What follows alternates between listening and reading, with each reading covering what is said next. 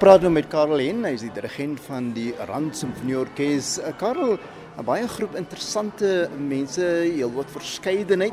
Van waar kom die mense almal? Die orkes is eintlik al omtrent 30, 35 jaar terug gestig.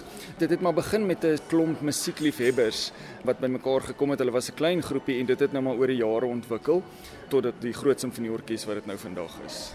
En die mense is dit hulle professioneel, wat is hulle agtergrond? Nee, ons hou daarvan om dit 'n gemeenskapsorkes te noem.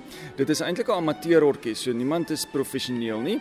Ons het net ons konsertmeester wat 'n professionele violis is. Sy hou soort van alles bymekaar, maar die meeste van ons spelers, omtrent al die spelers is amateurspelers.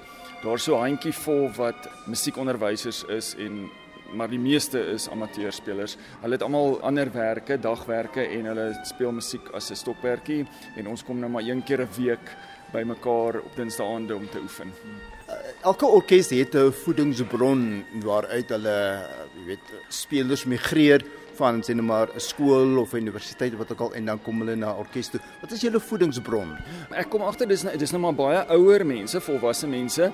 Baie van hulle het as kinders gespeel in die skoolorkes of in die jeugorkes en dan dit laat staan. Mense kry families en jy begin werk en dan later van tyd begin jy dit mis en dan is dit soort van 'n terugkom.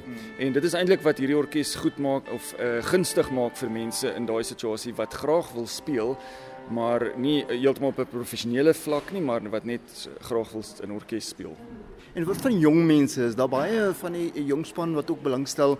Jy het nou gesê dit is baie gevestigde groep mense wat al reeds hier is, maar wat van die jong klomp?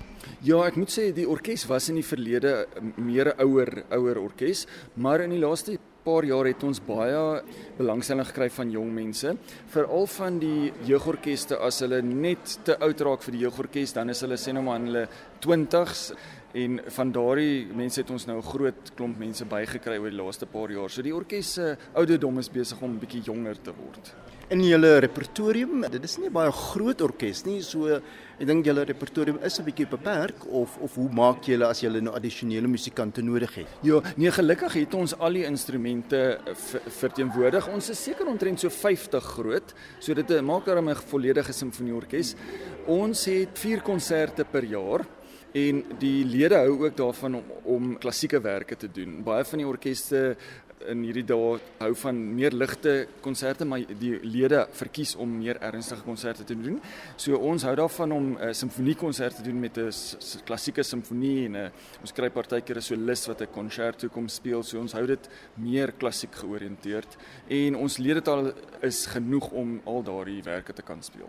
En dan en dan ook van van die die standaard wat die orkes moet handhaaf Oefen julle gereeld? Hoe, hoe maak julle? Ja, ons oefen een keer 'n week, Dinsdae aande.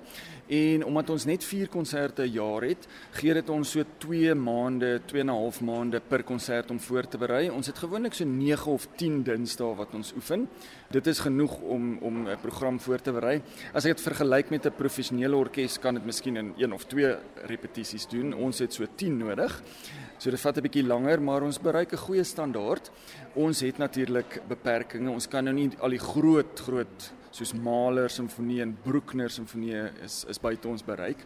Maar ons doen baie van die standaard Beethoven, Haydn, selfs Mendelssohn simfonie en van die kleiner standaard repertorium kan ons redelik maklik hanteer. Ek is nou hier vanaand waar jy repetisies het met die uh, jongelinge, jong soliste en hulle kom met hulle eie werke wat hulle graag wil voordra.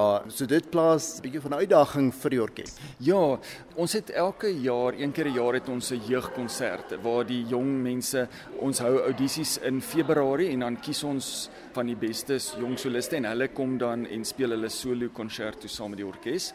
Dit is 'n bietjie 'n uitdaging vir die orkes want mense moet nogal op jou hoede wees om die jong mense of enige solis eintlik te volg. Dit is nie net 'n orkes speel homself en volg die dirigent nie. Ons moet baie keer van die jong mense is bietjie onervare partykeer. Dis die eerste keer wat hulle saam met orkes speel en dit is baie keer bietjie ehm um, naalbyt oomblikke om hulle te volg, maar die orkes hou goed by en ons ons oefen oefen genoeg so almal voel daarom gemaklik. En Karel as jy nou dink langtermyn, uh, wat is julle uh, doelstellings, wat is julle toekomsplanne, waarna toe beweeg julle? Ja, ek dink natuurlik altyd groter en groter. Ek is 'n baie ambisieuse persoon. So uh, ons het net nou gepraat oor werke. Ek sou baie graag eendag soos Brahms simfonie of selfs Tchaikovsky simfonie wat op die oomblik 'n bietjie groot werke is vir die orkes, maar dit is my mikpunt éventueel dat ons sal ontwikkel en die standaard nog hoër en hoër kan kry sodat ons op die ount van hierdie groot groot werke kan aanbied. Caroline, die dirigent van die Rand Simfonieorkes. Baie dankie vir die lekker gestels en ek kan maar net sê sterkte voor. Baie dankie, dankie.